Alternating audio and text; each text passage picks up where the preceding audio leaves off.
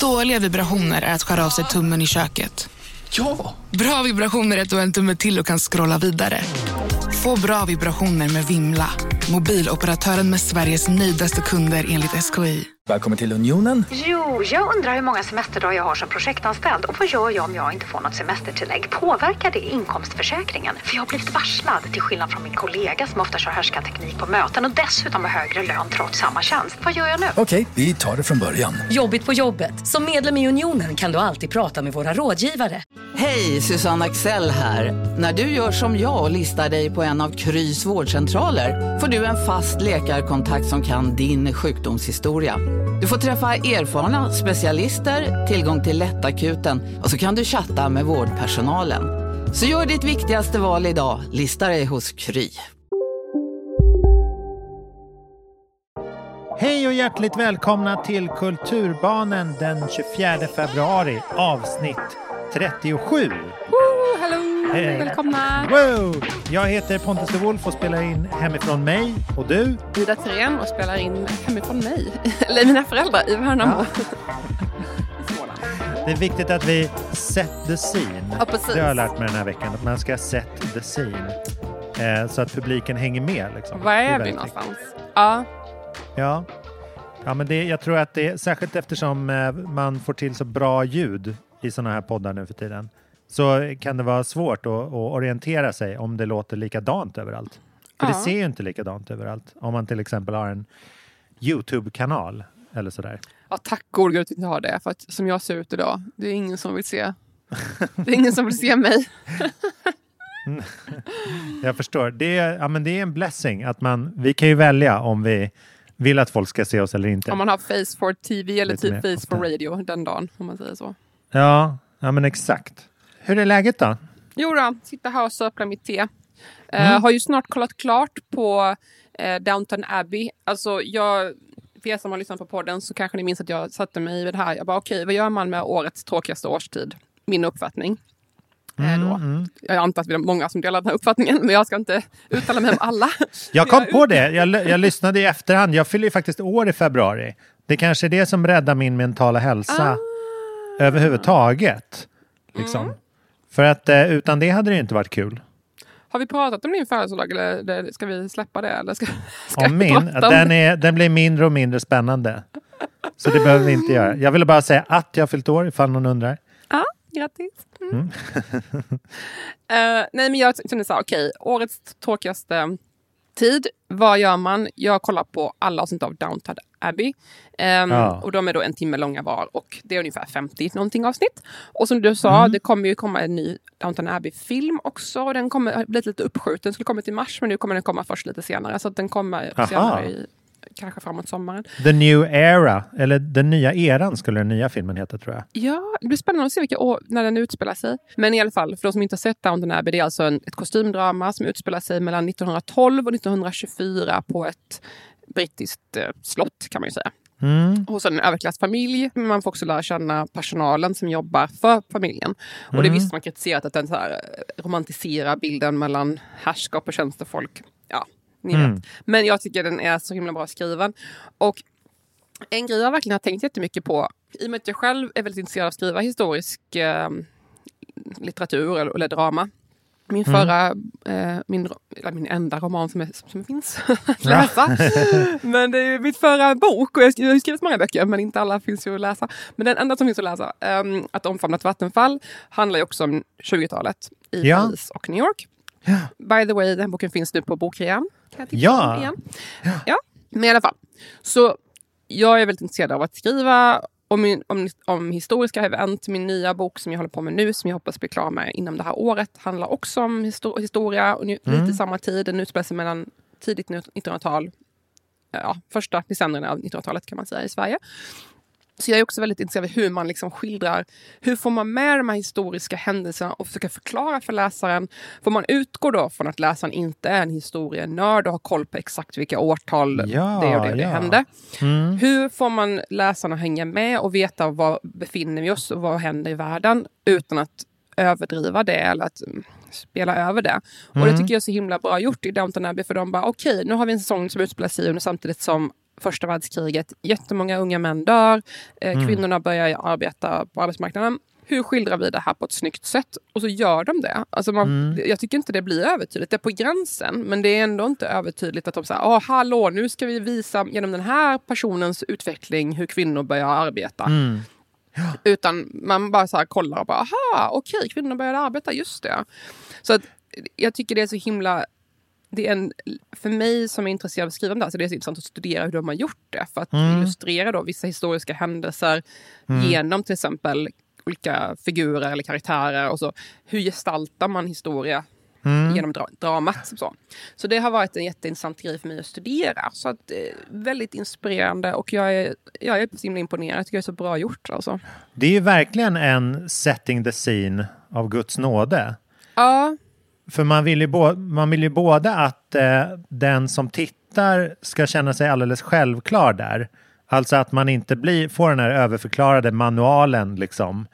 Utan man, ja, nu man är vill ju det att, krig, det är jobbigt. Alltså. Nej, utan flowet ska liksom, man ska bara åka in i berättelsen. Och det är ju svårt Ja. ju mer liksom exotisk eh, ramverket är. Alltså, Exakt. eller hur, hur, hur lit, alltså, ju mindre vi vet om tiden eller platsen, desto svårare är det att få den där omedelbara, liksom, ja, vara med från början helt enkelt. Alltså, det, man, jag tror man fattar hur svårt det är om man inte har gett sig på att göra det själv. För att Mm. grejen är att alltså, i min förra bok, den var väldigt lättläst och folk tänker bara "Ah, ja, det var någonting hon googlade på Wikipedia. Alltså det tog mig tio år att skriva den här boken. Ja, Alltså, att, att skriva sådär enkelt och alla bara, "Jaha, det är klart man förstår det här. Liksom, Jaha, flappers, ja ja. Alltså, jag har studerat flappers för att kunna förklara det med två meningar. Alltså, jag, jag tror att läs, när läsarna tycker att det är lätt att förstå någonting som är till exempel en komplex situation historiskt eller så, då har den som skapat gjort jättemycket research. Och så känner jag jättemycket nu med min bok. Alltså, det är väldigt komplicerade grejer som typ ingen vet så här, Mm. historiskt. Hur ska jag få folk att bara tänka, aha, men det här är väl självklart. Ja, men exakt. Haka på. Liksom. Det är det svåraste av allt. Det lättaste som finns är ju att sitta och redovisa massa fakta. Det kan ju vem som helst, vilken tredjeklassare som helst göra. Sitta och forska om någonting och liksom förklara det. ja, ja Nu men eller hur. läsa. Eller, ti- eller titta på då, som i Downton Abbey. Jag tänker alltid på den här filmen High Fidelity, kommer du ihåg den? Ah, Den är från 2000, så den är ganska länge sedan. Men John Cusack spelar typ en nörd eller en, en drifter eller sådär, fast jättecool. I, filmen utspelar sig ju i Chicago, och, eh, men den är ursprungligen, ursprungligen, alltså boken som är skriven av Nick Hornby, eh, den utspelar sig i London. Eh, men så Ja, har den liksom, den, den behandlar, behandlar ju lite så här nördig slacker killkultur och utgår ifrån eh, John Cusack-karaktären och Jack Black som äger en eh, skivbutik. Där de liksom hänger och där filmen utspelar sig. Men det jag hade problem med det var att den, den skulle liksom vara på en så här supernörd hipstrig nivå. Men alla exempel de tog upp var så här, har du någon Nirvana typ? Eller så här, ja du vill ha någon raritet från R.E.M. Alltså att det var en så här, det var liksom gjort så mainstream att liksom nördarna som det kanske liksom var riktat åt, eller som det skildrade, där, det var liksom, det hade noll street cred. För det var det- liksom man- urvattnad version av... Ja, precis. Och det kanske funkar bättre i en bok. Jag vet inte. Alltså där vill man ju vara så, så true som möjligt kanske. Men det, jag fattar ju att det är, man, man langar ut ett nät liksom med så här, vilka kan vi fånga in i den här storyn? Och då kanske det är liksom att bara då ta upp subpop-plattor och så här, Ja, obskyr indie. Det går inte att göra liksom Hollywood-film på. Nej, det är en Holly- Hollywoodifiering av Mm. mm. indiekultur. Ja, men men ja, jag, minns, alltså jag minns, jag jobbade ju i bokaffär i Prag um, under en period. mhm. Det här var väl typ 2005 ungefär, 2005-2006. Um, ja, jag, jag flyttade till Prag efter gymnasiet. Ingen Ja. vet varför. Jag bara flyttade till Prag för jag bara, ah, men var ska jag bo någonstans? Jag vill spela med mitt band och skriva en bok. Um, Ja. Berlin verkar så himla coolt och hippt. Jag vill vara på någon mer obskyr plats. jag flyttade till Prag. Mm. Berlin var för mycket sellout för mig. Så jag tänkte, okej, Prag i diss. Jag hade, jag hade Berlin var liksom. Hollywood-versionen till ditt Ja. Prag. Exakt. Jag tyckte Mm. Berlin var för mycket Hollywood. Um, det var för coolt. Liksom. Jag ville ha lite mer riktigt så obskyrt Mm. indie. Så jag flyttade till Prag med min dåvarande, ja, vi var fortfarande ihop då, men sen var vi ju eh, goda vänner. Um, Mm. Henrik som jag hade band ihop med. Eh, Oklahoma Trio Mm. finns på Spotify, en lyssnare i månaden. Um, eller, ja. Men då flyttade vi till Prag och så började jag hänga på ett, ett engelsk bokaffär som heter Shakespeare and Sons. Mm. Ehm, Ja, den och- finns ju i Paris alltså, också. Eller va? Nej, den, döpt, Nej, den, den heter Shakespeare Shakes- and Company och den här Ja, är då en liten parafras på det. Ja. Den drevs av några killar som man tyckte var jättegamla, som de var väl typ i min ålder nu då, men de var väl så här 30 någonting, som hade startat den här bokaffären. Mm. Ehm, och jag hängde där jättemycket, jag var så här 19-20 typ. Och jag hängde där hela tiden och de bara, men du är ju alltid här. Jag satt och drack kaffe och typ läste och skrev Mm. mina böcker, bokprojekt. Um, för hand oftast kan jag tillägga. Man måste stay on brand. Um, Och så satt jag alltid där och skrev och läste och så vidare. Och de bara, men du är ju jämt här. Kan du, inte, varför, du är ju alltid här. Kan lika gärna börja jobba här. Och jag bara, ja det skulle jag ju kunna. så att jag började jobba där och fick då 60 tjeckiska kronor koruna i timmen. Vilket var typ så här 20 kronor svenska kronor. Perfekt. Så jag hade 20 kronor i timmen. Um, och jag hade sparat pengar innan den här resan genom att jobba på eh, McDonalds i Halmstad. Så jag Ja. hade bott i Halmstad en, en termin och läst historia och pluggat, jag har pluggat historia på universitetet eller högskolan och bott hos mina föräldrars sommarstuga så jag fick bo gratis. Så jag kunde Mm. spara mitt CSN och jag kunde också spara mina pengar från att jobba natt på McDonalds. Mm. Så jag hade sparat ihop så här, en enorm summa pengar, typ så här 30 000 kronor. eller vad det var. alltså 50 Det är kanske. ett Och år i Prag kanske. Wow. Ja, exakt! Det var ju typ det. Alltså, det Ja. var, jag, bara, jag kan leva ett år i Prag och skriva på mina, min, min debutroman. Ja. Tog 15 år till innan min debutroman släpptes. Men det säg inte det till Ida för 15 år sedan för hon hade brutit ihop. Ja, Ehm, just det. jag Det är ett och- specialprogram. Saker du inte får berätta Ja. för dig själv för 15 år sedan. Jag satt och såg framför mig min unga debut. Jag ska debutera 21 år gammal. Alla kommer att geniförklara mig. Ja. Nej, det gick ju inte så bra precis. Men i alla fall, så jag jobbade i bokaffären i Prag. Och sen då så skulle de, då, då, apropå, nu tänkte jag prata på grund av Nick Hornby, för det var på Nick Hornbys storhetstid. Alltså det Mm. var jättemycket Nick Hornby i bokaffären. Så jag sålde mycket. Mm. Nick Hornby och sådär. About Life a boy. Populär. Ja, den hade väl kommit då också ja. Ja, ja Mm, i alla mm. fall. Det var mycket sånt här. Och sen efter ett tag i bokaffären så skulle de starta en till location. Mm. Och jag, naiv som alltid och godtrogen, lånar ut mina 30 000 till bokaffärens ägare. Jag bara, visst ni får låna mina pengar, Oh. inga problem. Eh, men jag fick pengarna tillbaka. Okej. Ja, ja, det lönade Jag är sig. Ehm, Ja. En annan gång blev jag inte lika... En, annan gång skulle jag hyra i andra hand, eller skulle vi ta över en lägenhet och ehm, då blev vi lurade. Så det kom Ah. polisen efter så en vecka. De bara, hej vad håller ni på med? Varför har ni inte betalt räkningarna? Bla, bla, bla. Vi bara, vem är ni? De bara, "Eh, vem är du? Eh, Så kom landlorden och bara, vem är ni? Och vi bara, vi har hyrt den här lägenheten. De bara, nej det gör det inte. Han som hyr den har försvunnit. Eh, och vi hade betalt åh, så två månader i förskott. Ja, men Paniken. utkastade. Men mm. men i alla fall, eh, då sa mina bokaffärspersoner, startade ju en ny bokaffär då. Nära Mm. Karlsbron, ni vet, som har varit, ni som varit i Prag vet Karlsbron, det är en turistattraktion. Just då fick det. jag börja jobba där. De Mm. bara, vill du börja jobba där? Jag bara, visst absolut. Ehm, och då jobbade jag där under en period, jag tror det kanske var ett halvår eller någonting, eller ett år. Mm. Och då var det människor som kom in väldigt ofta som inte pratade engelska. Och det var ju en engelsk bokaffär. Ehm, och det förekommer väldigt mycket um, stöld, eh, snatterier i Mm. då bland turister och sådär. Mm. Och ehm, Mm. eh, jag märkte då så att de här människorna kom in väldigt ofta och var så här, pratade inte engelska och ville gå in och typ så här, i våra obskyra så här, judiska, eh, så, eh, judiska historiesamlingar. Typ. Så jag bara, Aha. varför ska de Ja. in i det här inre rummet?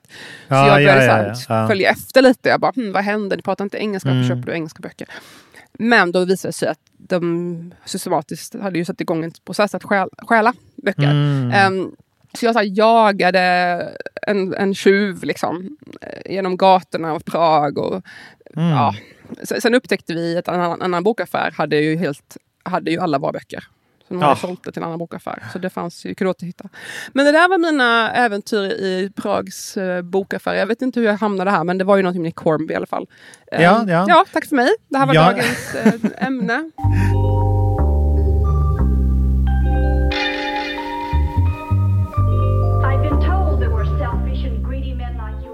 alltså, jag bodde ju i Prag i typ två och ett halvt år totalt, vilket är så himla konstigt. Typ så här, jag, bara, jag bara, ja. jag Ja. bodde i Prag två och ett halvt år. Folk bara, va?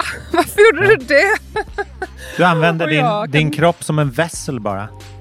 Kan väl vara lite här, lite där. Ja, jag, jag kan inte riktigt svara på varför. Men, ja, det var ju under den perioden som jag började jobba som modell också. Sen så flyttade jag ut till Kina. Men det är också en annan historia. Så jag bodde ju, så att, To be continued.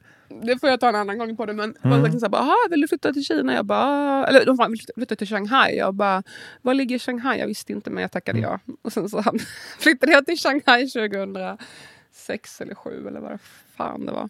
Alltså jag, ja, det blir, varit mycket.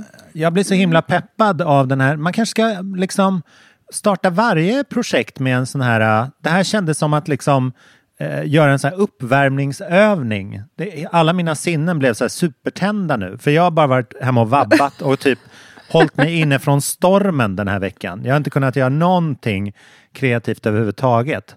Men det här fick mig att liksom så här, åh gud, nu vill jag prata. Det här är en jättebra liksom världsbild som jag kan måla på. Jättebra. Jag la grunden. Ja. Nu får du komma och fernissa. Nej Ja. men alltså konst, konstiga äventyr man har varit med om. Alltså Ja. ibland. Jag, jag, var, jag var på ett event förra veckan med min kille, influencer-event, och så pratade jag med en massa folk. Så var det så här, Åh, en var så här, Sveriges största youtuber. Jag har såklart aldrig hört talas om vem hon Mm. är. Ehm, och en annan var influencer, så här, flera hundratusen följare, jag har ingen aning om vem hon är. Mm. Jättegulliga tjejer alltså. Vi satt och pratade och käkade middag. Och jag bara, de bara, "Ha, vad gör du? Jag bara, Gabriel bara, ja men hon är författare liksom. De bara, okej. Alltså. Folk blir Get inte a lite job. imponerade. det är exakt vad alla säger till mig.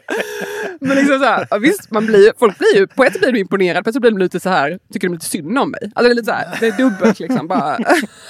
Särskilt Wow, du är 19-åringar med smart, egna men- Youtube-kanaler. Bara, Stackars. Har du ingen dator? Har du hört talas om eh, datorer, teknik, mobiltelefon? Oh God. Nej men alltså, det är lite så allmän reaktion märker jag. Folk blir så här imponerade. Man bara, jag författar. De bara, oh, wow, du är smart. Liksom. Men också så här, Ja. åh nej, vad synd om det. Har du inga pengar? Beklagar, beklagar. det är liksom väldigt dubbel. Ah, grattis! Kul att vara smart men Ja. eh, Jag beundrar dig att du överlever. jag beundrar din stamina. Ja. Ja, nej, så att, Ja. Men då fick jag liksom så här, jag vet inte vad som fick i, kom i mig, men till slut så var det någon som bara, ah, men eh, nämnde typ så här, ah, att jag har jobbat som modell. Jag bara, ah, jag jobbade som modell en period och så bara började Mm. berätta lite om det här, hur det började. Alltså det var bara, det kom lite så här, jag bara, ah, det var lite så här Kina och så bla bla bla. Mm. Hur den mobiltelefonreklam som typ, jag höll på att dö och så. Ja, berättade lite stories liksom. Och sen så, så sa jag lite snabbt sådär, ah, sen bodde jag i Berlin i två och ett halvt år och sen bodde jag där och så bodde jag i Paris. Och så, Mm. jät- jättesnabb version. Och folk blir lite såhär, oj. Och jag glömmer ju bort att jag berätt, pratar typ inte så ofta om det här. Alltså det är ju ingenting som jag Nej, liksom nej, nej. tar upp i min vardag. Jag har ju levt ett helt sjukt liv. Alltså jag tycker att jag är Ja. Sveriges mest intressanta person. Ja, Inget snack. nej. Jag har inte träffat min egen motsvarighet en enda gång. Men ingen jävel bryr sig. Så att ja, jag sitter här och är intressant och alla är totalt ointresserade. Så att man får väl bara säga, ja ja, jag får väl leva på mitt kulturella kapital i min tystnad. Ingen behöver veta att jag sitter där och knaprar på den. Ja, ja. Ehm, kanske någon gång i framtiden när man är så här 60-70 år, då kanske folk börjar inse, shit Ida hon var ju fan skitcool, varför brydde vi oss inte om henne? Ja, men som Ehm. skapare behöver man ju sin egen bubbla. Och så det gäller ju bara att man liksom eh, letar upp den på något vis.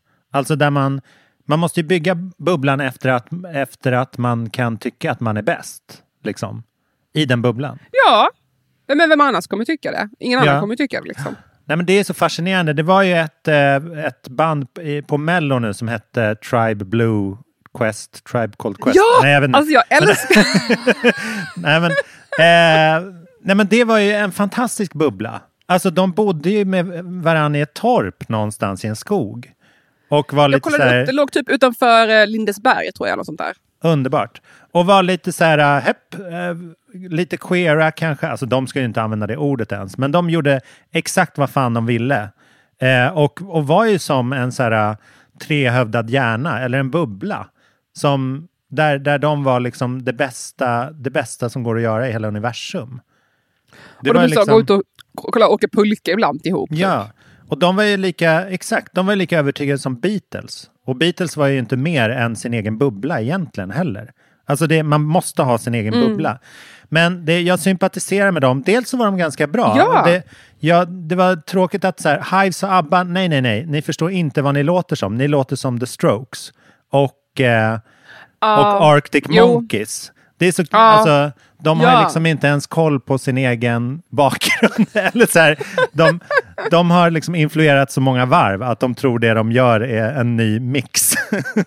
Men, men det är skitsamma. Nu ska vi inte underskatta dem. De kanske, Nej, nej. Bara, ville för, för, kanske bara ville Hollywoodifiera sina referenser Ja, ja, så att mellopubliken skulle förstå. Vi ger dem the benefit of the doubt. Skandal. jag. Men jag kan verkligen se en så här trång rockklubb i Västerås med hundra kids som aldrig har varit med om någonting bättre i hela sitt liv. Shaka loss till dem där.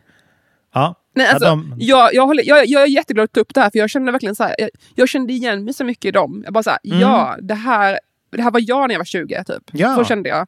Att det här totala tron på att man bara, jag gör min egen grej, jag skiter i, Mm. jag, jag bara, jag, alltså, ja, jag, jag Mm. älskade verkligen deras inställning och hur de hamnade i Melodifestivalen har jag ingen aning, men jag respekterar Nej. deras väg.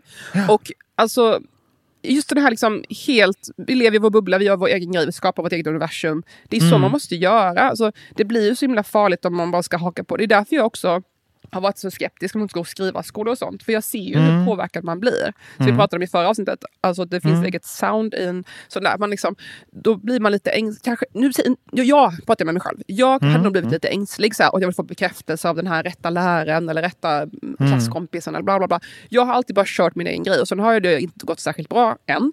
Men någon gång kanske man så här, folk bara oj, Ida gör sin egen grej, vad coolt. Typ. Istället Ja. för att bara, jaha, Ida är som alla andra som gör det här i Sverige. ja. Så att, jag, jag tror man får liksom bara, man får tänka long game med det där. Och jag, Mm. ja, real knows real. Jag respekterar de här killarna, eller vad de nu Ja. identifierar sig som, personerna. Fan, kör er grej. Vad heter de nu än? A Tribe Called Blue Quest. Nej, men de heter något med Tribe. Death Tribe Tribe. called Quest Super Blue. Tribe. Tribe Friday. Tribe Friday. Just det, Tribe. Ja. Ja. Men jag, jag tänker ändå så här, det är roligt att de kan göra så här internationell garagepop i, i en liten stuga. Det är ju verkligen en så här, det, det är ju en grej som, där bubblan är förändrad mot från din och min generation. Jag tänkte så här, när man hade ett sånt där band, när jag växte upp, då skulle man så här flytta till först Stockholm, sen London och sen kanske LA. För att överhuvudtaget liksom Ja.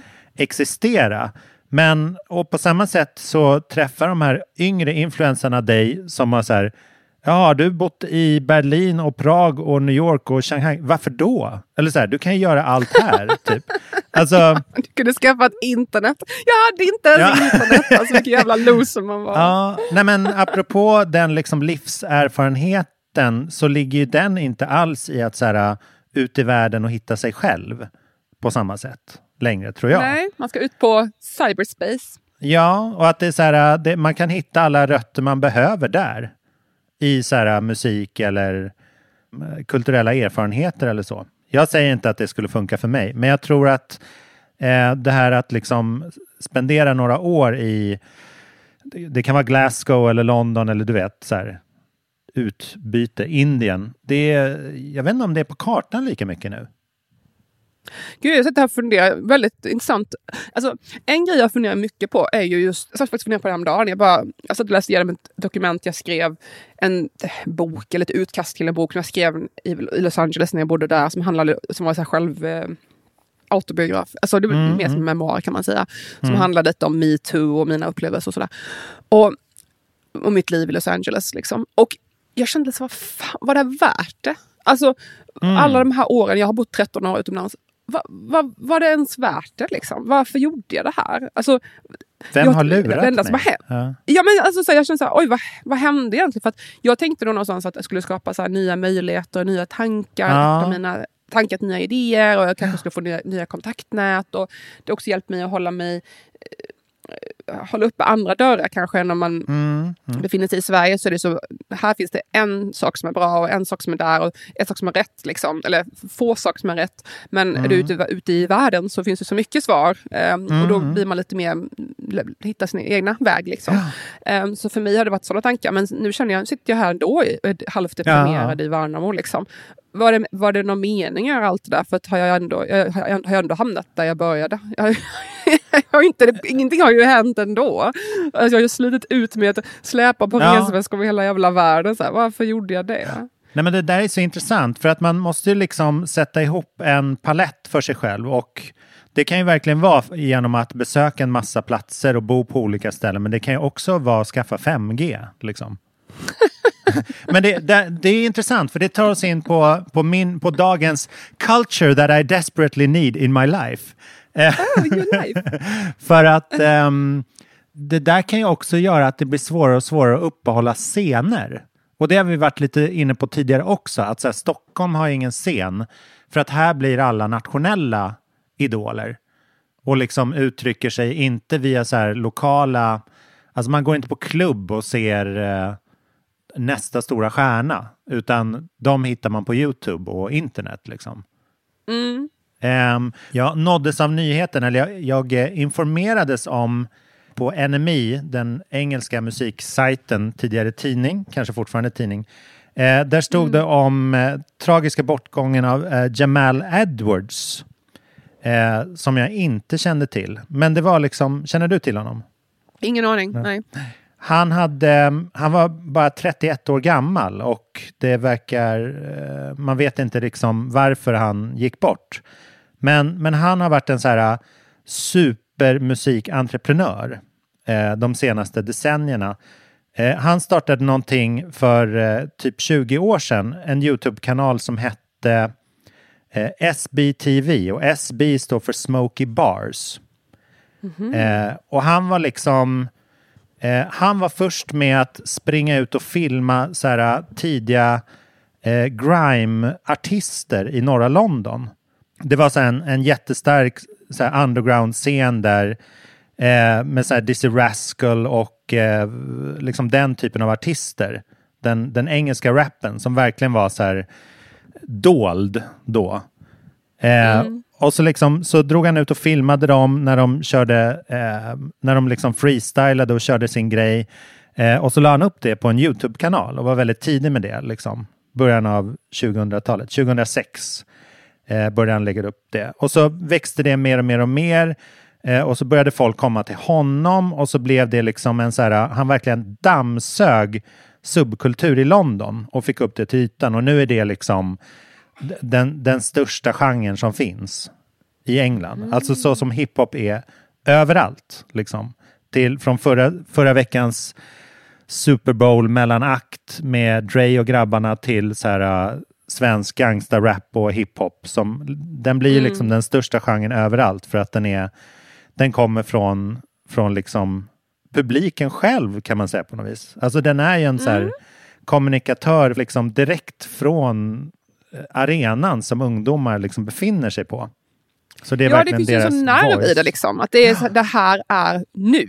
Typ. Ja, precis. Och han var så här, den första som lyfte Ed Sheeran till exempel också. Oj. Så att han, han har verkligen lyft så här, eh, svinstora... Eh, förlåt, jag fattar inte riktigt. Vad är det han lyfte med? Han filmade dem? Eller jag fattade inte riktigt. Eh, hans, hans YouTube-kanal blev så stor. Alltså Ja, det är han hans samlade... YouTube som är- Ja, okej. exakt. Han samlade, han gjorde liksom ett professionellt grepp, eller professionellt, men han gjorde ett, ett liksom ambitiöst grepp på att dokumentera allt som hände runt omkring honom. Så att han var liksom ute varje dag hela tiden och filmade nya artister. Okej. Eh, och sen så liksom samlade han det och, och nu är det en liksom stor, stor institution och han har liksom ingått i program som så här, engelska drottningen har launchat. Att man liksom ska lyfta ungdomskultur och han har fått medaljer och liksom he, hela balunsen. Och det är jättefint och det är jättetragiskt att, att liksom få nys om en människa på det här sättet. han dog? 31. Oj, shit alltså. Ja. Oj, oj, oj. Ehm, så att en sån här superikon som jag inte riktigt fattat har funnits. Men då är det också sådär att liksom, ja men nu är internet det hade ju verkligen sin tid. Det här liksom att så här, breaka en scen på Youtube. Nu är det liksom svårt. Nu kan ju alla breaka sin scen hela tiden via sociala Ja, medier. vet, och han behövde först gå ut i världen och filma. Nu kommer folk bara filma folk bara direkt utan att behöva gå, ut, utan att behöva gå till en bar. Och då, Ja, behöv, då behöver de inte vara i jävla Camden, utan då kan de ju göra det liksom var som helst. Mm. Jag kan göra det om jag vill bli Grimes-artist. jag ska bara lära mig rappa coolt. Men... Eh, men Jag tror du eh, behöver lära dig lite mer. Ja, Du behöver några fler attribut. Men okej. ja. Nej men det är, det it's a thing. Och jag vet inte om det är... Det, det är väldigt intressant. Alltså det är såklart att det bästa kommer fram då, men jag vet inte om det är liksom ett koncentrat som en så lokal scen kan vara på samma sätt. Jag vet inte.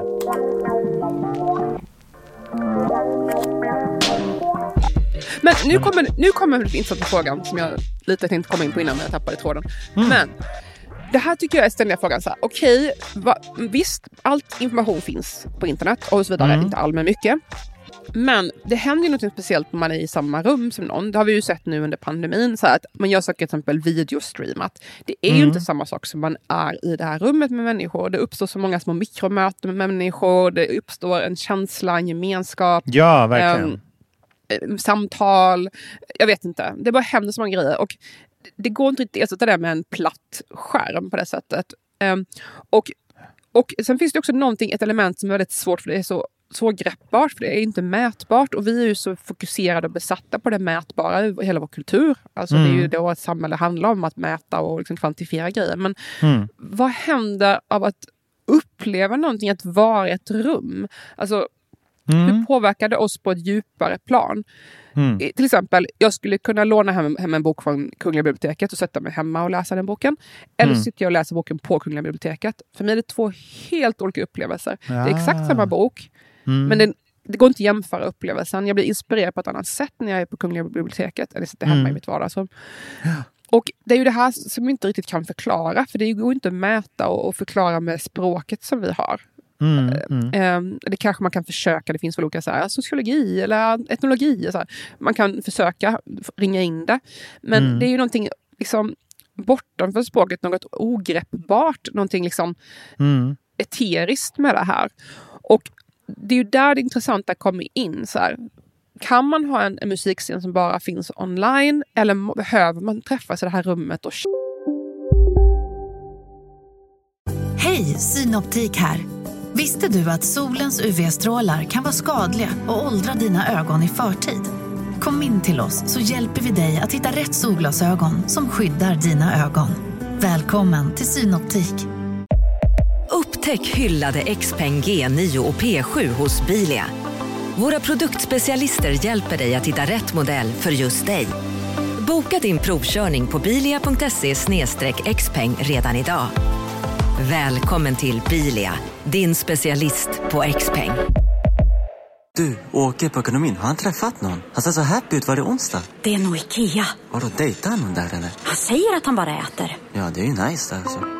Missa inte att onsdagar är happy days på IKEA. Fram till 31 maj äter du som är eller blir IKEA Family-medlem alla varmrätter till halva priset. Välkommen till IKEA. Känna wow, jag såg det här bandet live och Ja. jag träffade mina kompisar där och vi pratade om det här och det var svettigt och jag ville... Man, man kommer, minnet kommer ju inte kännas likadant. Alltså minnet nej. av den upplevelsen är ju förankrad i alla sinnen och Ja, kommer för ja. alltid sig kvar jämfört med någon, spelning man såg eh, streamad. Och det där tycker jag är Herregud. så intressant och jag tycker att det har vi verkligen lärt oss nu under pandemin. Alltså just det här förankringen i rummet, hur det händer någonting när saker blir på riktigt. Typ. Mm. Alltså jag, jag kanske har träffat, jag träffade en tjej ute för ett tag sedan som jag träffat en gång förut också. Hon, hon lyssnar på podden. Hon bara, eh, och jag älskar podden och jag lyssnar på den varje gång den släpps och så vidare. Och jag blir så himla glad av att träffa henne. Jag vet i teorin att det finns flera hundra människor som lyssnar på podden Mm. som hon gör. Alltså hon är Ja. inte den enda, men hon är den enda jag träffat in the wild. Ja. som jag alltså inte känner, alltså, som jag inte kände sen tidigare, utom, utom som poddlyssnare. Ja. Och för, för mig är liksom så här, hon är bara wow, jag har en poddlyssnare. Liksom, ja, jag kan också bli svinförvånad. Ja, Ja. Och, och det är ju bara, jag vet ju i teorin att det finns jättemånga som henne. Eller det, Ja, siffrorna ja. säger ju det. Men Ja. när man träffar den i verkligheten så blir det ju så otroligt starkt. Och det är ju det här som är svårt att liksom förklara. Ja, verkligen. Ja, men vi, vi jobbar ju mot att eh, liksom träffas live med våra lyssnare. Jag vill ju också, jag lyssnar på en, en podcastkille som heter Colin Moriarty, som jag kanske har nämnt, men som, som eh, bor i USA och är så tv-spelsjournalist. Han har jobbat på så här jätte, jätte, jättestora sajter och sen jobbat sig neråt, neråt tills han har en total independent-kanal. Liksom. Och nu är han störst i hela världen på eh, Playstation Podcasts. Och han har ett helt Aha. roster liksom, med massa content. Men han, han eh, sa i något sammanhang att han vill liksom vara sin publiks röst utåt. Alltså han talar inte till sin publik utan han är liksom en av publiken. Han och, och publiken liksom identifierar sig med varandra så starkt att liksom han blir deras röst. Och liksom, det är en jävligt fin grej. språkrör liksom. Mm. Exakt, och lite så, det är ju hiphop-grejen. Det är ju hela hiphop-grejen också. Mm. Och liksom hela den här att bygga Att, att sin egen... rapparen är röst för hela, hela sitt eh, Ja, community. precis. Mm. Och det, det behöver ju inte bara vara liksom så att man rappar om, om samhällsproblem eller liksom det som jag ser oftast liksom associera med det, utan det, det handlar ju också liksom om ett språk och en så här, äh, respekt för medmänniskor. Liksom, det kan ju handla om vad som helst, men kultur blir verkligen så här mest bestående och bra om den utgår från en scen. Oavsett om den liksom skapas på, på nätet eller vad det är. Jag ser liksom verkligen den här podcasten, som, den har ju verkligen, den är ju helt independent och har ju ingen plattform som den skickas ut via. Så att vi, det finns ju ingen liksom stor Big Brother som säger åt folk så här, lyssna på den här podden. För vi har inte de medlen, utan alla hittar Mm. den liksom genom sin egen smak eller någon, en kompis smak. Ehm, Mm. och jag påverkas jättemycket av så här, kommentarer som, som folk ger på stan eller i vänskapskretsar. Eller så här. Jag, jag tycker det är jättekul när folk så här, vill diskutera det som du och jag har tagit upp. För då liksom Ah. tar man med sig det in och liksom så här, ah, jag började tänka annorlunda så här, av det. Mm. Men det, vi, vi vill ju verkligen liksom kliva ut i att träffa folk. Det skulle verkligen vara ett jätteroligt nästa steg. Och jag, jag bjöd in dig till vår eh, Facebook-sida nu Ida. Så att jag hoppas du Ja. kommer tacka ja till att vara med på den. Fattar hur man gör. Ja. Jag kanske belönar dig med en administrationsplats. Yes. men, men vi fick ju uppåt 100 medlemmar där, bara på studs. Vad kul! Ja, så att där kan det komma mer liksom events och sånt där som vi samlar ihop folk till. Det är ett Ja, bra... men eh, bra gilla forum vår sida och, och, och tipsa andra om att, eh, jag vet inte, antingen gilla sina eller lyssna på podden. Jag vet inte. Så som folk gör så nu för tiden. Ja. det är ju så folk eh, eh, lyssnar. De lyssnar ju Mm. på sina vänner. Så är det ju. Men alltså, en grej som jag tänkt mycket på som är intressant också är att nu, jag tror ju fortfarande att Instagram är på väg ner. Jag vet att jag, det finns ingenting som förklarar det här. Jag bara känner på mig. Instagram, Mm, it's mm. over. Ehm, och jag, som jag förklarat tidigare i podden för de som inte har hört det, men alltså då är jag lite nyfiken, för det finns ju väldigt många så här, folk som har blivit väldigt stora på Instagram. Det har ju funnits en, Mm. en tid när man kunde verkligen bli känd på Instagram. Mm. Eh, Man samlar ihop liksom så här 20, eller 50 eller 100 000 följare och så är man plötsligt kändis. Liksom. Ja, precis. genom, genom sitt Instagramkonto som egentligen bara är text och bilder. Mm. Och det har ju hänt egentligen bara sen kanske 2014 eller så. Mm. Det har ju inte pågått jättelänge. Det är ju en ganska kort tid som det har Mm. hänt. Jag skulle säga att Instagrams storhetstid kanske var 2014 till 2020 eller något sånt där. Alltså, ja. det ja, då, då var det ju lättast att liksom monetisa som Ja, kreatör. och växa. Det går ju typ väldigt svårt att... Det är svårare att växa nu Mm. i hur det ser ut med algoritmer och så. Men då har jag tänkt mycket på vad händer med alla, alla de här... För jag scrollar lite på Instagram, jag blir så uttråkad nästan direkt. Jag bara, ah, det, Mm. Finns så ingenting som jag tycker är kul eller spännande eller intressant? Och jag Nej. jämfört med kanske för tre, fyra år sedan så kunde jag tycka det var så kul att kolla. Jag kunde kolla hur mycket Ja. som helst. Jag bara, wow, det var så mycket intressanta saker. Jag lärde mig grejer. Det var, det var så mycket som helst att utforska och upptäcka. Och nu är det som att, aha, ja, det här är människor som jag har följt. Jag, jag, jag, jag ser liksom ingenting nytt eller intressant. Nej. Ehm, Alltså no offense mot dem jag känner, det är inte så. Det är kul att Nej, se nej, vad de Mm. gör. Men det är aldrig, jag sällan jag känner så här, oh wow, det här visste jag inte om världen eller så. Um, det känns som att den explosionen har lite dalat, i alla fall i min, min värld, eller mitt community Mm. så har det hänt. Um, och då är jag lite nyfiken på vad händer med alla de här jättestora sajterna som nu känns som liksom, eh, shipwrecks? Mm. Eller inte shipwrecks, men de känns som så här, tomma färjor som flyter runt på Atlanten. liksom. De Ja, här stora ja, hundratusentals kontona eh, som var lite så movement. Liksom, Ja. som en gång i tiden hade jättemycket engagemang och nu får de så här 100 likes fast de har 30 000 följare. Ja, ja, men det är intressant, men det finns ju fortfarande för mycket pengar i det. Alltså det är för många annonsörer och liksom annonsförsäljare som beror på Instagram. Så jag tror det är, det är så många som vill att det ska gå bra. Att det kommer Ja, nog det liksom andas på lite på syrgas. Men ett sånt där tecken på att, eh, att de, de är medvetna om problemet är att de släppte ju loss eh, länkarna till alla i höstas. I slutet av jaha, hösten. det så det var. Det Ja, det att, att, jo men tidigare så var det ju bara så här äh, verifierade Instagram-användare och eh, användare med fler än 10 000 followers som kunde länka i sin stories till exempel. När det stod så här swipe up for more info eller sånt. Just det. Men nu kan man ju lägga in en länk liksom bara som en eh, tagg i bilden på stories. Jaha, det är så det har gått till. Ja, så det är ett eh, pop- populistiskt grepp av dem och det gör ju de stora kontona lite mindre värda liksom ur annonseringssynpunkt och så vidare. Mm. Eller åtråvärda. För alltså, det, det jag tänkte på är så här, de här stora då, rörelserna eller så här, mm, kanske folk som tycker någonting som har startat en sida med många följare eller så här, folk som har aktivism eller eh, engagemang. Ehm, och när de inte är förankrade i verkligheten utan det bara är liksom folk som har likat en sida. Det är ju liksom Mm. en helt annat engagemang där än om man faktiskt väljer att gå på en spelning. Då har du ju verkligen du vill verkligen gå på den här spelningen. Alltså det är en helt annat typ av engagemang än att klicka like på någon sida eller klicka att man följer någons Instagram. Liksom. Det är ju Mm. inte alls samma. Ehm, så att, eh, det ska bli intressant att se om nu det som jag tror att Instagram håller på att liksom tappa lite. Ja. Ehm, vad händer? Alltså, det kanske det visar sig lite så här att det är inte de som har många höga siffror kanske inte har engagemanget som de som har faktiskt riktigt engagemang. Nej, nej, nej, Eh, verkligen. Alltså ett band som kanske har 300 följare men de 300 personerna kommer på varje spelning. Eller ett band Mm. som har 30 000 följare men 10 personer kommer på deras spelningar.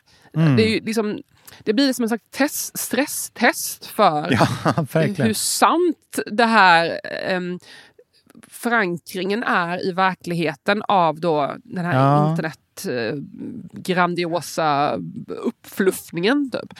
Så det Ja, ska bli det- kul att se ja. tycker jag. Nu när världen återgår kanske lite mer till vanligt också, att se liksom, hur, hur, hur, hur översätts det här i verkligheten? Ja, men det är alltid en, alltid en fara med sådana där siffror och allt, alla sociala medier är ju så här överkvantifierade.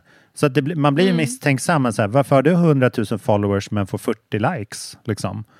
Eh, eller så här, Spotify, de, de kör ju så här, de, de har ju någonting som heter att, att de, de liksom största banden blir numrerade efter deras så här, storhet på Spotify. Så den största är så här, Justin Bieber, typ. Number one artist in the world. Och så här, roligt exempel är att så här, Beatles är number 97th artist in the world. så de, de har alltid ridit på att så här, vi är världens största band, vi kommer alltid vara det. Vi är de bästa. Liksom. Men eh, nu är de de Ja. 97 rent så här, siffermässigt. Eh, men en som varken är på Facebook, Instagram eller Twitter har ju startat ett eget socialt medie eh, på sistone, en plattform som heter Truth Social. Eh! Donald, Donald Trump. Jaha, jag blev skittaggad. Men det var inte det jag som vet. Tips till dig som har liksom sökt, sökt det nya sociala mediet. Nej, men det, Jag sökte nya. nej, men det, Jag, Trump. Ja. Jag, Trump och Kanye. Det är fan, vi är alla tvillingar också kan jag tillägga. Ja, men du kanske ska starta, Mm. starta ett eget bara, Ida. Där bara du finns. Ida. Så att- Jag är som Tom. Jag blir som Tom i MySpace. Ni vet. Ja, exakt. Den totala echo chambern. Liksom. Ja. Man behöver inte ens uppkoppling. Det är bara liksom kliva in i ett bås som ekar. Jag ska be min brorsa, han jobbar med sån här journalutveckling och sånt. Data. jag bara, ursäkta Oskar, kan du hjälpa mig bygga sociala medier? Ida Eh. Zuckerberg.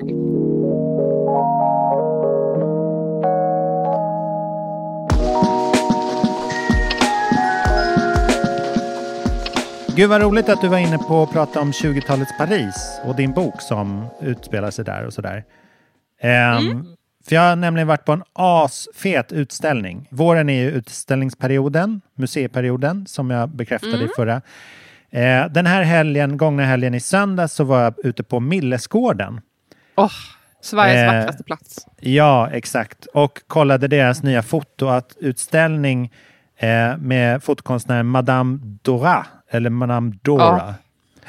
Har du varit där? Så avundsjuk. Nej, jag vill jättegärna gå på det. Alltså. Ja, det verkar så alltså- himla fint. Fantastisk. Ja, men den här utställningen, alltså hon är ju, för de som inte vet, jag hade ingen aning, men hon var liksom en så här societetsfotograf i Wien och Paris eh, i början av seklet, 1900-talet, fram till liksom 30-talet. Och eh, hade verkligen, alltså fångade så jäkla många av de här stjärnorna, eh, Picasso och eh, så här superkändisar från den tiden som Maurice Chevalier och Tati och, och så liksom kabaréfotograf Josephine Baker och det vittnar verkligen om en så här svunnen tid. Ehm, för att sen så bröts ju allt det här upp såklart. Ehm, Mm. hon, hade, hon och nästan, alltså en stor andel av de här stjärnorna hade ju liksom judisk bakgrund eller börd och flydde nazismen helt enkelt. Ehm, så att det både, både Wien och Paris var ju liksom så här no-go-zoner för, för jättemånga av den tidens liksom kreatörer och konstnärer. Eh, och hon själv flydde till södra, södra Frankrike och eh, var med om en bilolycka som hon dog i sviterna av några år senare. Så att det var liksom, det är verkligen, man, man går runt där på den här utställningen och, och ser en tid som hade kunnat byggas vidare på, på ett helt annat sätt. Mm. Som liksom inte, verkligen inte finns längre. Men Mm. det var liksom, det, det markerade ju liksom det här eh, roaring twenties begreppet där allt var möjligt och att det var sån jävla nystart efter första världskriget och liksom flapperkulturen och så vidare. Och eh, liksom att det fick ett så abrupt slut i och med nazismen och andra världskriget är ju så jävla tragiskt liksom. Jag är lite så här resident DJ där på Millesgården. Jag brukar ju spela Ja. på deras eh, eh, vernissage. Det var ju bland annat där du, du och jag community. gjorde vårt... vår, det var där du och jag, Kulturbarnen, gjorde vårt första liksom, public appearance.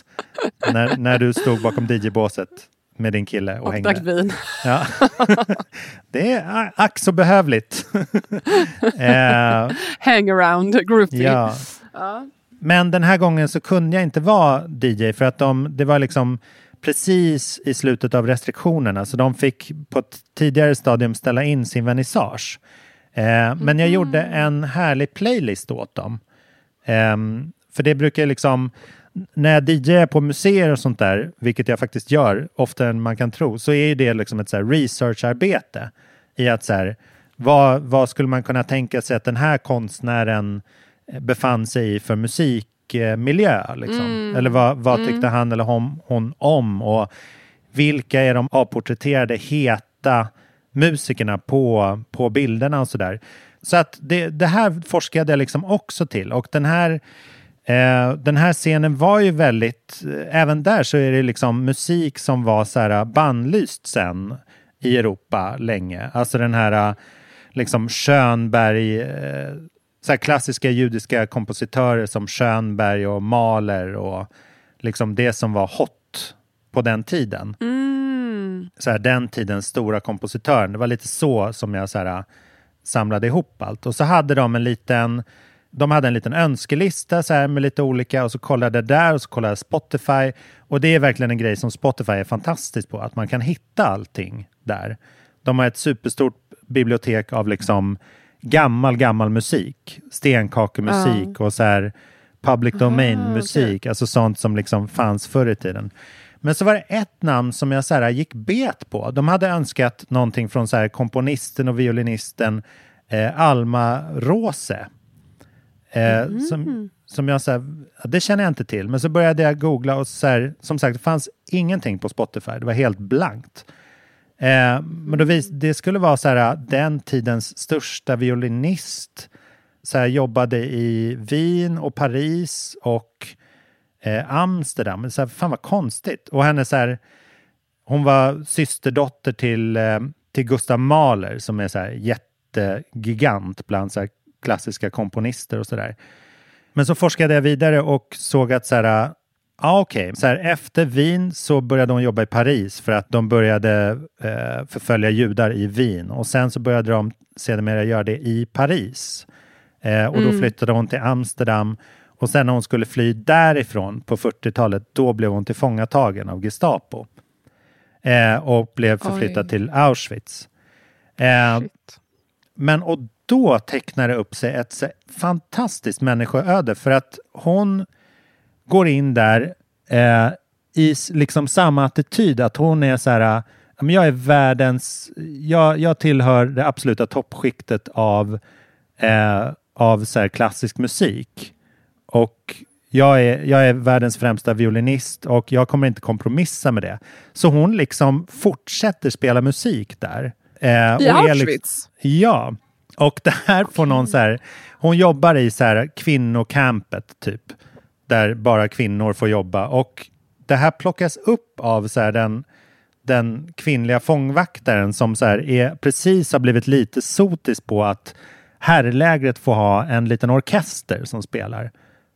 Eh, så att hon börjar så här bygga, hon och den här eh, Alma Rose då börjar liksom bygga upp en orkester i kvinnoläget i Auschwitz. Och det, då tar de så här, då hittar de liksom, de hittar så här förskollärarinnor som kanske har lite kunskap inom musik, så här hobbymusiker och sätter ihop en orkester på 48 kvinnor. Som liksom blir så här extremt eh, värdefulla för att de liksom ingjuter hopp i arbetarna, i, liksom, i vården där, i liksom alla situationer som är svåra. De till och med liksom spelar i snön har man förstått på så här, när man har sett, hittat instrumenten sen och liksom analyserat fuktskador och sånt. Och liksom hon driver de här och drillar dem till att bli en liksom fantastisk orkester som spelar natt och dag liksom i alla situationer Oj. där. Och sen så blir hon sjuk och går bort. Men hon har liksom räddat eh, alla kvinnorna i den här orkestern. Så de går vidare sen. De överlever och blir liksom så här hovmusiker i olika orkestrar. I Oj. Tyskland och Israel och sen så här. Så att hon, Men hon dog innan Auschwitz blev befriat? Eller? Ja, precis. Men hon var, det, hon var någon, något helt unikt i att så här, alltså de här orkesterna används ju på fruktansvärda sätt också. Det är ju liksom bara för att peppa arbetskraften, så det är inte som att så här, men, men det är till och med så att så här, de försökte rädda hennes liv när hon blev sjuk. Och det har liksom ingen hört talas om tidigare. Alltså du För att menar det- att nazisterna försökte rädda hennes liv?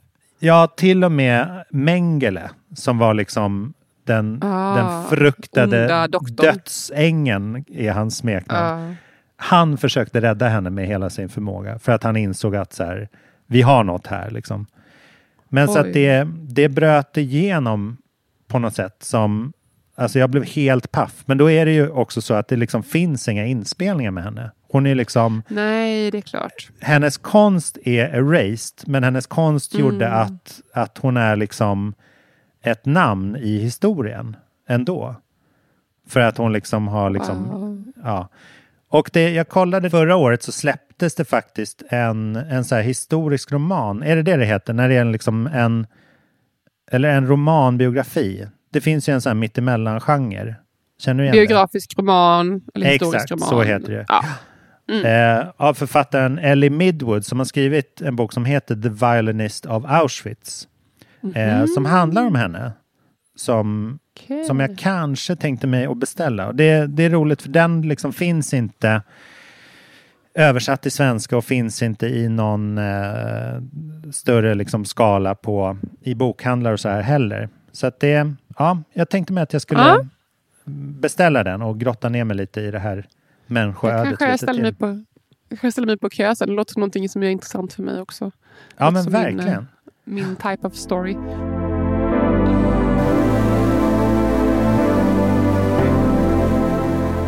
Jag- tänker på det här du säger. Alltså det har jag tänkt mycket på när jag skriver på min nuvarande bok som ändå utspelar sig då i början av 1900-talet. Alltså just, det, en grej man kanske inte reflekterar över är att om man var konstnär i början av 1900-talet, man Mm. såg ju inte konstverk utanför det som visades i Stockholm till exempel. Ville du se Nej, ett konstverk nej, som inte fanns i Stockholm, då fick du åka typ till Rom eller någonting. Och det var ju liksom ett projekt, åka till Rom. Det var ju inte så en Ja. weekend, utan det var ju liksom ta tåget i så här, tre dagar Mm. um, på dåliga vägar och så vidare. Så, för att kunna se ett konstverk, för att man kunde inte fota i färg. Så det enda sättet att få avbildningar av konstverk, det fanns i princip inga färgavbildningar heller, så färgtryck heller. Så att Nej. enda chansen du kunde, tidningar svartvita liksom. Så du, skulle du se ett konstverk kunde du se antingen en svartvit kopia, kanske en tidning, eller en Mm. bok. Eller så fick du liksom be någon kompis skissa av konstverket och sen Ja. typ färglägga det efter liksom kopiera det i princip. Ehm, Mm. Så att det var ju väldigt, väldigt svårt att få influenser från andra håll. Så det är inte konstigt, så himla trögt. Alltså konstens utveckling exploderade Nej. under modernismen, 20-talet och sånt. Men det tror jag också har mycket att göra med att man faktiskt, faktiskt kunde eh, alltså, utveckla fotografikonsten och faktiskt kunde få ta in fler intryck. Ja, visst. och samma sak med musik till exempel. Alltså, man kunde ju här, köpa noter kanske. Ehm, Mm. och i början av 90-talet var det några, några stycken i Sverige som hade liknande fonograf eller grammofon. Liksom. Mm. Nu snackar vi här, de rikaste människorna i Stockholm kanske. Början Mm. 90-talet. Så det först kanske, först kanske framåt så här 20-talet som, som fler människor kunde få tillgång till musik. Så att Mm. Man, man kunde, kunde gå på konsert eller, eller så kunde man då köpa hem noterna och spela själv. Om man hade tur kanske någon familjemedlem spelade piano eller så. Så att det är ju inte så Och nu är vi så vana att kunna få tag i vilken musik som helst, kunna se vilket konstverk Ja. som helst, bara googla. Och såklart att min dotter har ju sett mer konst än en, en liksom professionell konstprofessor på 1900-talet. Mm. Eller början av 1900-talet. Mm. Ja. Ehm, ja, visst. och jag tänker det är intressant hur det påverkar oss alltså, i, våran, eh, i vårt eget skapande. Det blir Ja. liksom en exponentiell utveckling av kultur. I takt det, med ja. internet och sådär. Liksom, man, plötsligt är det flera hundra gånger mer exponering för nya intryck. Ja. Ehm, så att det du säger att hon inte, hennes musik finns inte sparad. Det är ju egentligen Mm. inte så konstigt och det var ju inte ovanligt på den tiden Nej. egentligen. Att man inte, det var Nej, ju ganska precis. nytt att man ens kunde registrera musiken.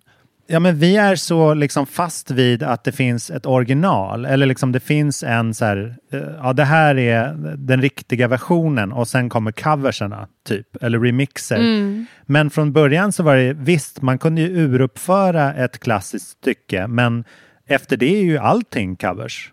Liksom. Det, det är bara covers. Inga inspelningar av klassisk musik som vi lyssnar på är ju liksom någon slags original. Det är bara liksom att de har varit lite lyckosamma eller att det var en bra take typ. Eh, Mm. och det där, är ju, inte- det, det där är inte så gammalt. För till exempel är ju så här, utställningskataloger var ju fram till och med liksom 80-talet inte representationer utav bilden utan bara en, en liten så här frimärks stor svartvit eh, fotokopia av så här, ja det här är den och sen står det info. Alltså att det är så en Mm. katalog verkligen. Och det är liksom ordet nu betyder ju en, en konstkatalog eller en utställningskatalog lite mer så här, ja du kan ta med dig ganska bra återskapelser utav utställningen du var på. Ja, Medan just då, då var det mer så här, ja, för att komma ihåg, vad hette det där verket nu igen? Så att man måste ju ha varit där och sett det med, with your Ja. own eyes. Liksom. Och det är så gulligt, jag kollade vidare på eh, när Beatles Get Back-dokumentären igår. Jag ser den med en kompis, apropå att uppleva saker tillsammans. Så vi ser den väldigt Mm. långsamt. Men då, och då frågar Yoko Ono, så här, deras producent, så här, Where can I buy, eh, eh, vad, vad kan jag köpa noter på musik? Så här? För att jag vill verkligen så här, lära mig. Och då är det härligt för att hon vill köpa en, en Beatles-notbok. Så att hon ska kunna så här, lära sig musiken som hennes nya kille har gjort genom alla år. Eh, och då, då är svaret så här, Well, you could go to any musical note store, uh, any way you like. Så här, att det, det finns så här, en i varje kvarter, typ. Så att redan, även då är det så här, varför frågar du det? det är, alltså, de har Beatles-noter i, i alla affärer. Det är bara gå ut på gatan så hittar du en notaffär. och det, det är liksom, ja. Ja, det är Det var väldigt... länge sedan man såg en notaffär. Alltså. Ja, exakt. Jag känner till en. Hötorget, uppgång mitten. Mm.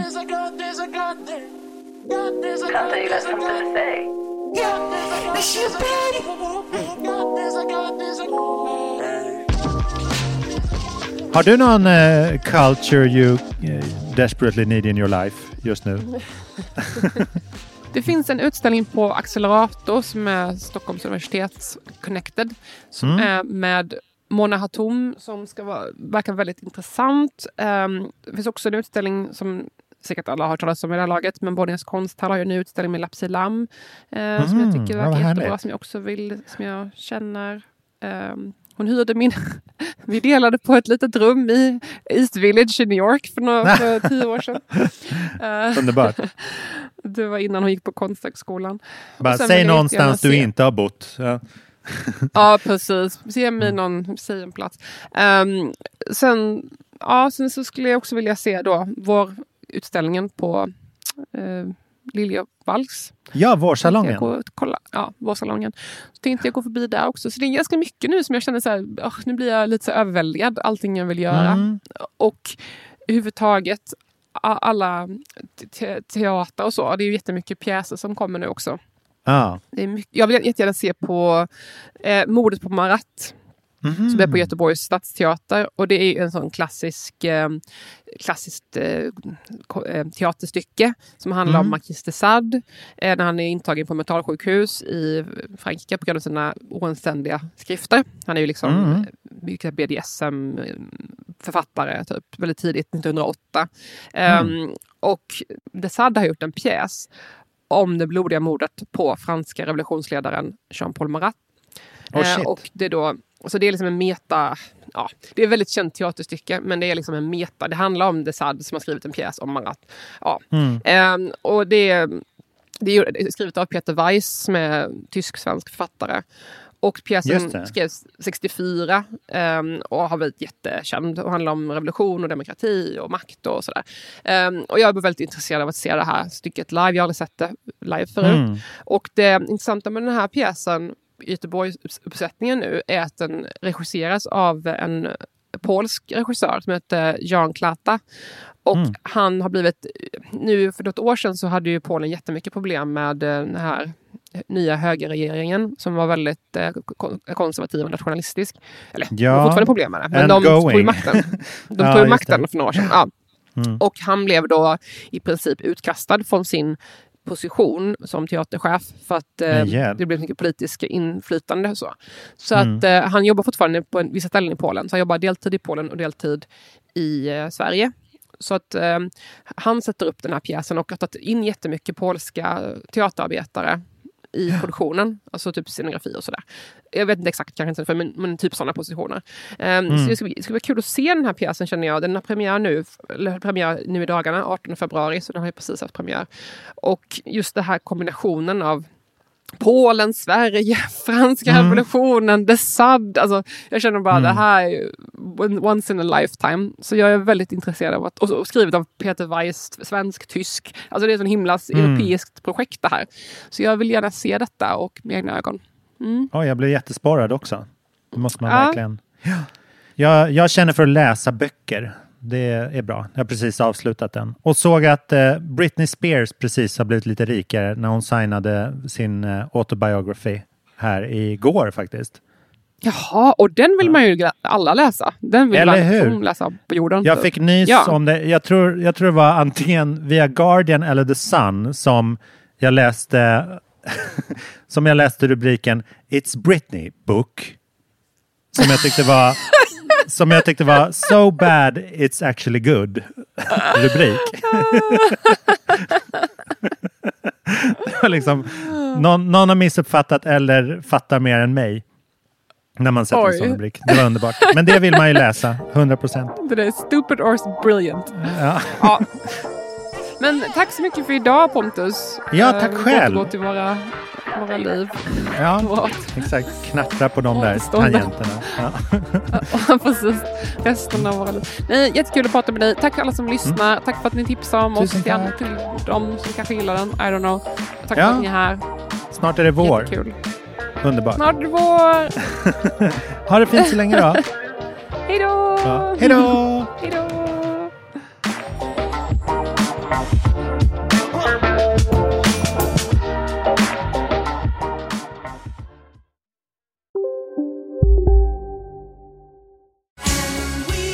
Just nu till alla hemmafixare som gillar julast låga priser.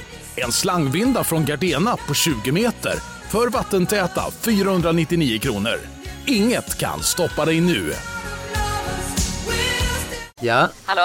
Pizzeria Grandiosa? Jag vill ha en Grandiosa capriciosa och en pepperoni. haha, något mer? Med kaffefilter. Ja, Okej, ses samma. Grandiosa, hela Sveriges hempizza. Den med mycket på. Nu ska du få höra från butikscheferna i våra 200 varuhus i Norden. Samtidigt. Hej! Tack. Jo, för att med så många varuhus kan vi köpa kvalitetsvaror i jättevolymer. Det blir billigare så. Byggmax. Var smart. Handla billigt.